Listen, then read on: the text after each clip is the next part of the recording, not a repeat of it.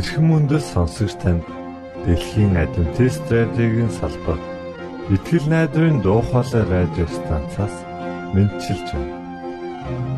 Сонсогч танд хүргэх маань нэвтрүүлэг өдөр бүр Улаанбаатарын цагаар 19 цаг 30 минутаас 20 цагийн хооронд 17730 кГц зөвлөлтөөр 16 метрийн долгионоор цацагдж байна.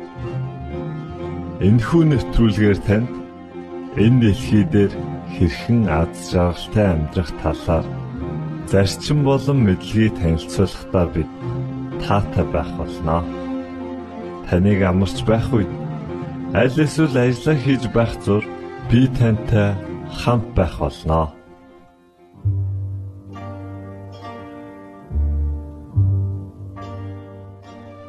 Өнөөдрийн хөтөлбөрөөр Redeemer нэртэй сайхан дууг бид танд хүргэх болно. Үүний дараа харин гэр бүлийн харилцааны тухай ярилцлагыг хүлээн авч сонсоорой. За ингээд хөгжмөдөө ортон соноо.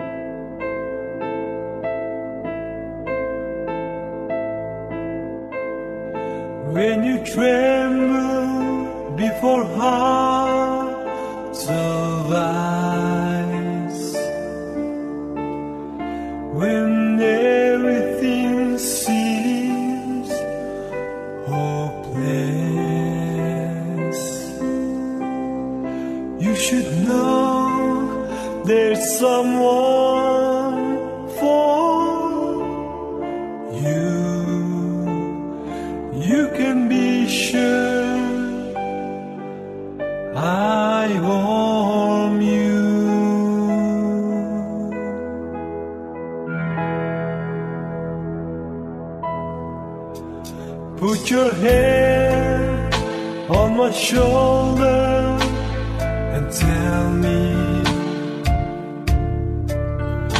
I will listen and share your trouble.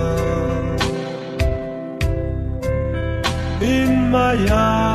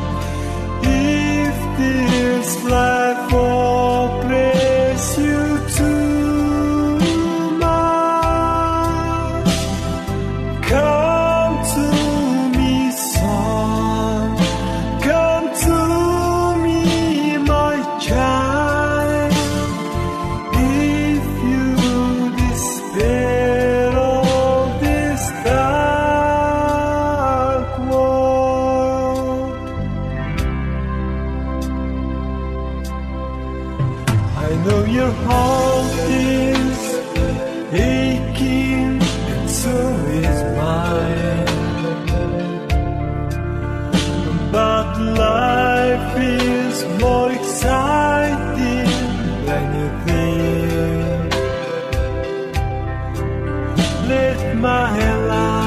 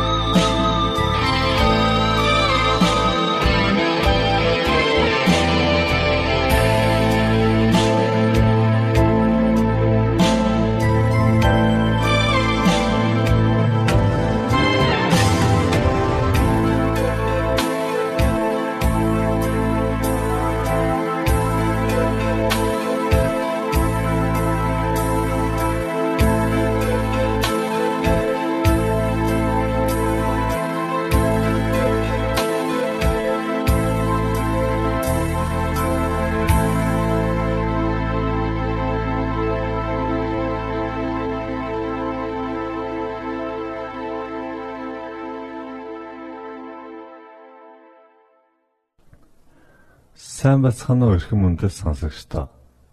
Гэр бүлийн цагаараа бид танд Монголын адвентист чуулганы гэр бүлийн хилцээний захирал Пүрүр дулам эгчтэй хийсэн ярилцлагыг сонирдуулах гэж байна. Ингээ та ярилцлага хүлээн авч сонсноо. За За тэгэхээр бүгдээрээ гэр бүл гэж те яг гэр бүлийн талаар бас хамтдаа ярилцъя. Тэгээ гэр бүлийн гэр бүлийн талаар ярихаас өмнө за ер нь гэр бүл гэж яг юу юм бэ? Тэ гэр бүлийг ер нь юу гэж тодорхойлдог юм бэ? Тэр талаар бас ингээд хамтдаа ярилцъя гэж бодож байна. За тэгэхээр гэр бүл нь болохоор хүний хөгжлийн анхдагч орчин, нийгмийн үндсэн нэг гэж ер нь тодорхойлдог. За тэгэхээр нийгэм маань гэр бүлээс бүрддэг байх нэ гэж ойлгож болох нь байна. За хэрвээ бид бас гэр бүлийг эрх зүйн баталгаа тодорхойлолтоор нь тодорхойлох юм бол манай Монгол улсын гэр бүлийн тухай хууль нь гэрлэлт гэж одоо хуулиар тогтоосон насанд хүрсэн эрэгтэй эмэгтэй хоёр сайн дурын чөлөөтэй за тэгш эрхийн үндсэн дээр гэр бүл гэр бүл болох зорилгоор хууль заасны дагуу төрийн эрх бүхий байгууллагад бүртгүүлгийг хэлнэ гэсэн байна. За юм бол гэр бүл гэдэг маань хүний амьдралын амин зүрхэн байх. За мэдээж гэр бүлийг бий болгосноор гэр бүлийн гишүүд бий болно. За мэдээж эцэг их өр хүүхэд Эдгээр маань бол гэр бүлийн гишүүд болдог байх нэ. Гэр бүлийн гишүүд болох эцэг их маань өөр өөрийн гэсэн үүрэг хариуцлагатай байдаг. Эцэг хүн болвол гэр бүлийг нэгтгэгч, манлайлагч, тэргүүлэгч байдаг бол а их хүн бол гэр бүлийн хатан хаан байдаг. А харин хүүхдүүд маань гэр бүлийн бяцхан хамтрагчд болдог. За гэр бүлийг бид нар бие биенээ хайрлан хүндэлдэг дэлхий дээрх бяцхан диважнтай төсөөлж бас болох юм аа. За тэгэхээр бүгдээрээ гэр бүл гэж яг юу болох талаар бас мэдлээ. За тийм болохоор ер нь таны амьдарч байгаа гэр бүлийг яг гэр бүлийн бүтэц хэв маягт нь хэрхэн хуваадаг талаар бас хамтдаа үздэцгээе. За гэр бүлийн хэм маягийг сонгодог утгаар нь дан, нийлмэл, өрөөсгөл гэж ангилдаг. За тэгэхээр эдгээр хөгжлийн шат бүртээ өвгмөц онцлогийг харуулж яадаг. За нийлмэл гэр бүлийн хувьд хүүхдүүд нь өөрийн гэр бүлийн хамт эцэг их эсвэл хаднуудынхаа аль нэгтэй мөн хамаатнуудаас одоо бүрдэх бөгөөд нэгэнтэй хамтдаа амьдарч байгаа хүмүүсийг хилдэг байна. За дан гэр бүл гэх юм бол зөвхөн эцэг их хүүхдүүдтэйгээ хамт амьдарч байгаа гэр бүлийг бол дан гэр бүл гэдэг байна. Өрөөсгөл гэр бүл гэдэгт бэлэвсэн, салсан хүмүүс багтдаг боловч тодорхой шалтгааны улмаас хамтдаа амьдрах боломжгүй тэр гэр бүлийг өрөөсгөл гэр бүл гэж нэрлэдэг байх нэ. За тэгэхээр та магадгүй нийлмэл гэр бүл эсвэл дан гэр бүл а эсвэл өрөөсгөл гэр бүлд бас гэр бүлийн бүтэц хэм маягт бас хамрагддаг гэж хамаарагддаг гэж бас болох юм аа. За тэгэхээр гэр бүл болоод хүний хүний хөгжлийн одоо үйл явцтай адилхан гэр бүл маань мөн гэр бүлийн амьдралын мөчлөг гэдэг зүйлээр бас давж гардаг байх нь байна. За тэгэхээр гэр бүлийн амьдралын мөчлөгийг бодвол а эрдэмтэд их олон одоо хувааж үзсэн байдаг. Гэхдээ өнөө үед те энэ яг орчин үед бол гэр бүлийн амьдралын мөчлөгийг одоо 6 үе шатанд бас хувааж авч үзэж болох нь. За хэрвээ бид гэр бүлийн амьдралын мөчлөгийг үе шат бүрээр нь ярилцах юм бол гэрлэлтээс өмнөх үе, за гэр бүл болох үе, бага насны хүүхэдтэй гэр бүл, өсвөр насны хүүхэдтэй гэр бүл, хүүхэд нь тусдаа гарах үе, За хижээл насны гэр бүл гэж ангилж бас болох нь. Хөгжлийн үе шат бүр нь гэр бүлүүдэд шин зорилт, даалгавар, шин дасан зохицох чадварт суралцах хэрэгцээ үүнээс шалтгаалсан шинэ хямралуудыг авчирдаг байна. За үе шат бүрт одоо тий хэрхэн дасан зохицож байгаагаар нь гэр бүл ямар шатандаа явж байна вэ гэдэг нь бас ихээхэн шалтгаалдаг байх нэ. За тэгэхээр энэ гэр бүлийн амьдралын энэ мөчлөг бүр энэ үе шат бүрт одоо гэр бүлд гарах өөрчлөлтүүд гэж бас байна. За гэрлэлтээс өмнөх үед бол ямар өөрчлөлт гардаг вэ гэхээр төрсөн гэр бүлээс ялгарах өөрийн гэр бүлээ бий болгоход бэлтгэх тэр үе шат явагдчихэдэг. За гэр бүл болох үе нь болохоор шинэ орчин, шинэ харилцаа бий болгох үүрэг хариуцлага хүлээх тийм үе шат байна. За мөн бага насны хүүхдтэй гэр бүл болоод ирэхээр шин гишүүн хүлээж авдаг, мөн эцэг их болдог, мөн нэмэлт үүрэг даалгаврууд бол бий болдог байх нэ. За ингээд өсвөр насны хүүхдтэй гэр бүл гэдэг энэ үе шатанд бол хүүхдүүд өөрийн гэсэн үзэлтэй өөрийн гэсэн бие дах чадвар сууж ирж байдаг. За хүүхэд нь тусдаа гарах үе гэж бас энэ дээр байна. За энэ нь болохоор гэр бүлд шинээр гишүүн орж ирээд ордог мөн гардаг. Яагаад гэхээр хүүхдүүд маань том болоод амьдралын ханаа сонгоод тэ магадгүй та өөрөө хадам ээж, хадам аав болдог ийм үе байгаа. Тийм болохоор танай гэр бүлд шинээр хүн орж ирдэг, мөн та хүүхдээ тусад нь гаргадаг. Энэ үеийг болвол хүүхэд тусдаа гарах үе гэж нэрлэж болдог байна. За ингээд хижээл насны гэр бүлийн гарах өөрчлөлтүүд юу гэхээр өөрчлөгдөж буй үүрэг хариуцлагыг хүлээн зөвшөөрөх тийм үе бол шатлалт байдаг. Учир нь юу гэхээр таны хүүхдүүд өсөж том болоод өрх тусгаарлаад ингээд ирэхээр амьдралын зам ясаар та одоо хижээл настай болдог байна.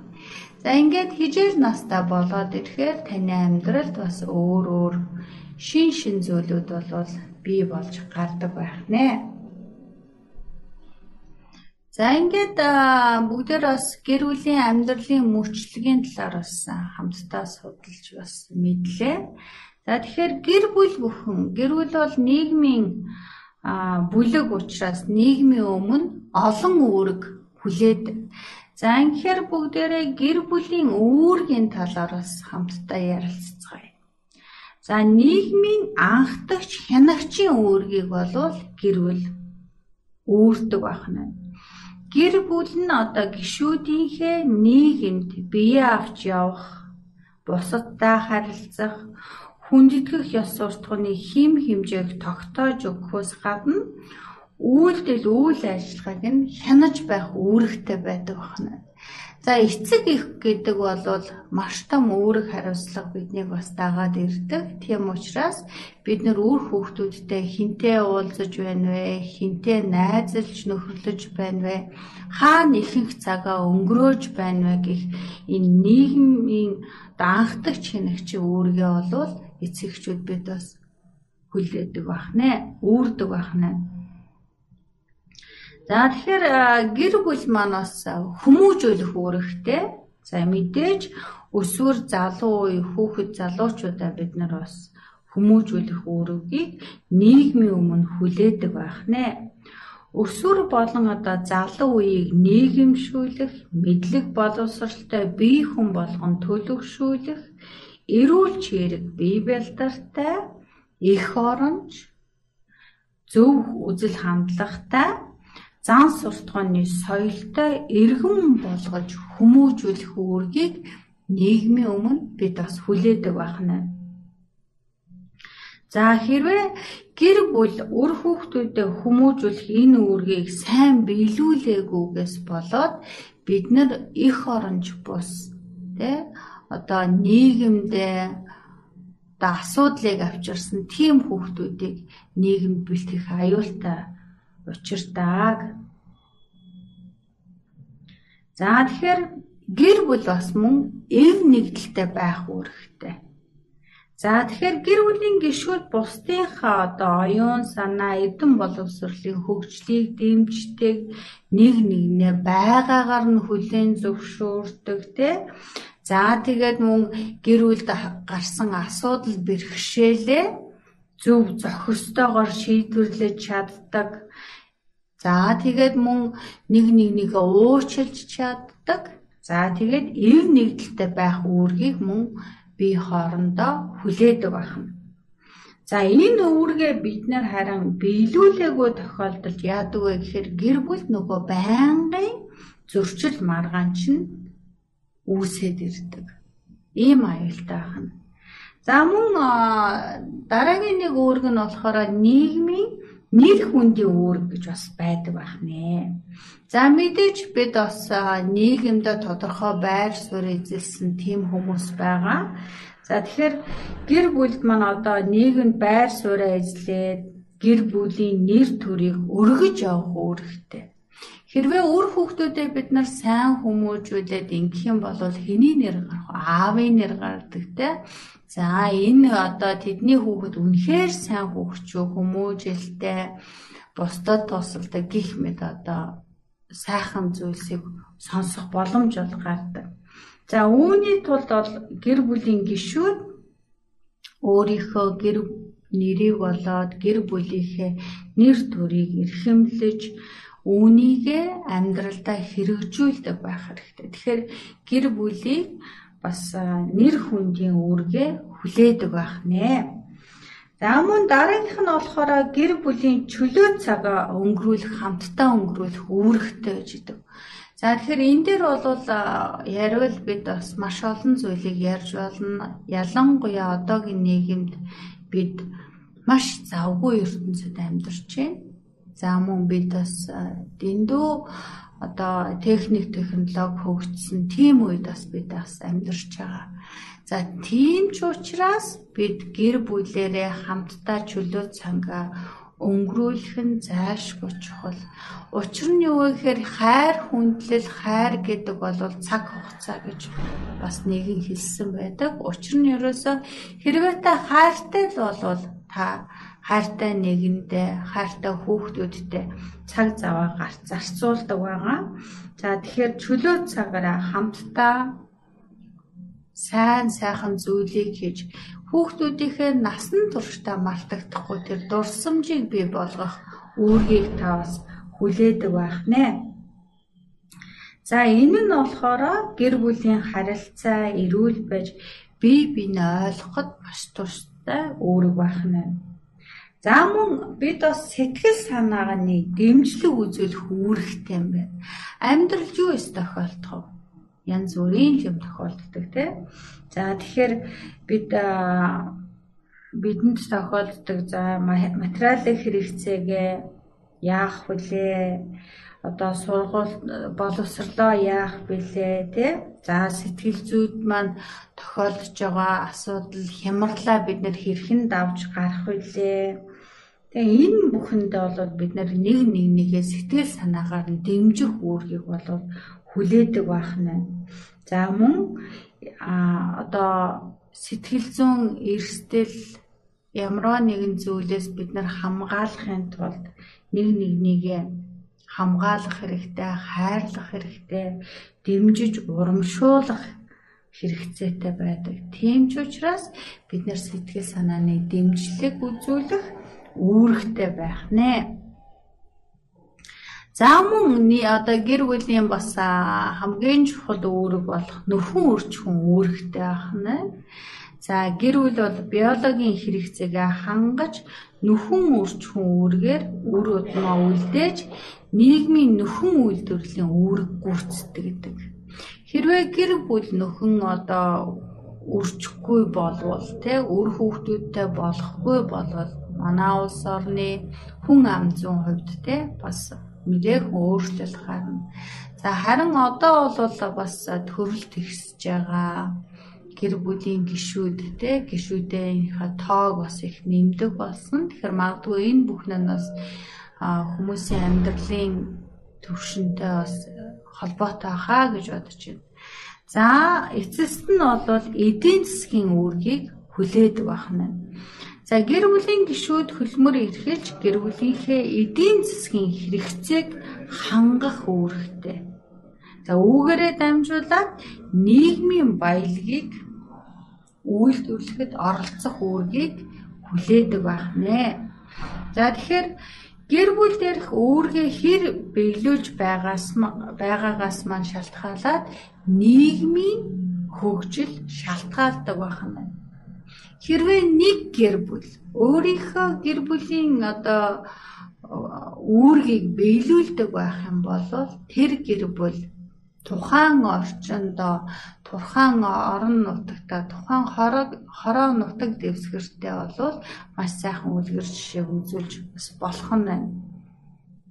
За гэр бүлийн дотоод харилцаа сайтай, бүрэн бүтэн, нийгмийн өмнө хүлээсэн үүргээ сайтар биелүүлж байгаа гэр бүл нь хүүхэд өсч хүмүүжиж нас бийт гүйцэд өөрийн гэр бүлээ зохиодог.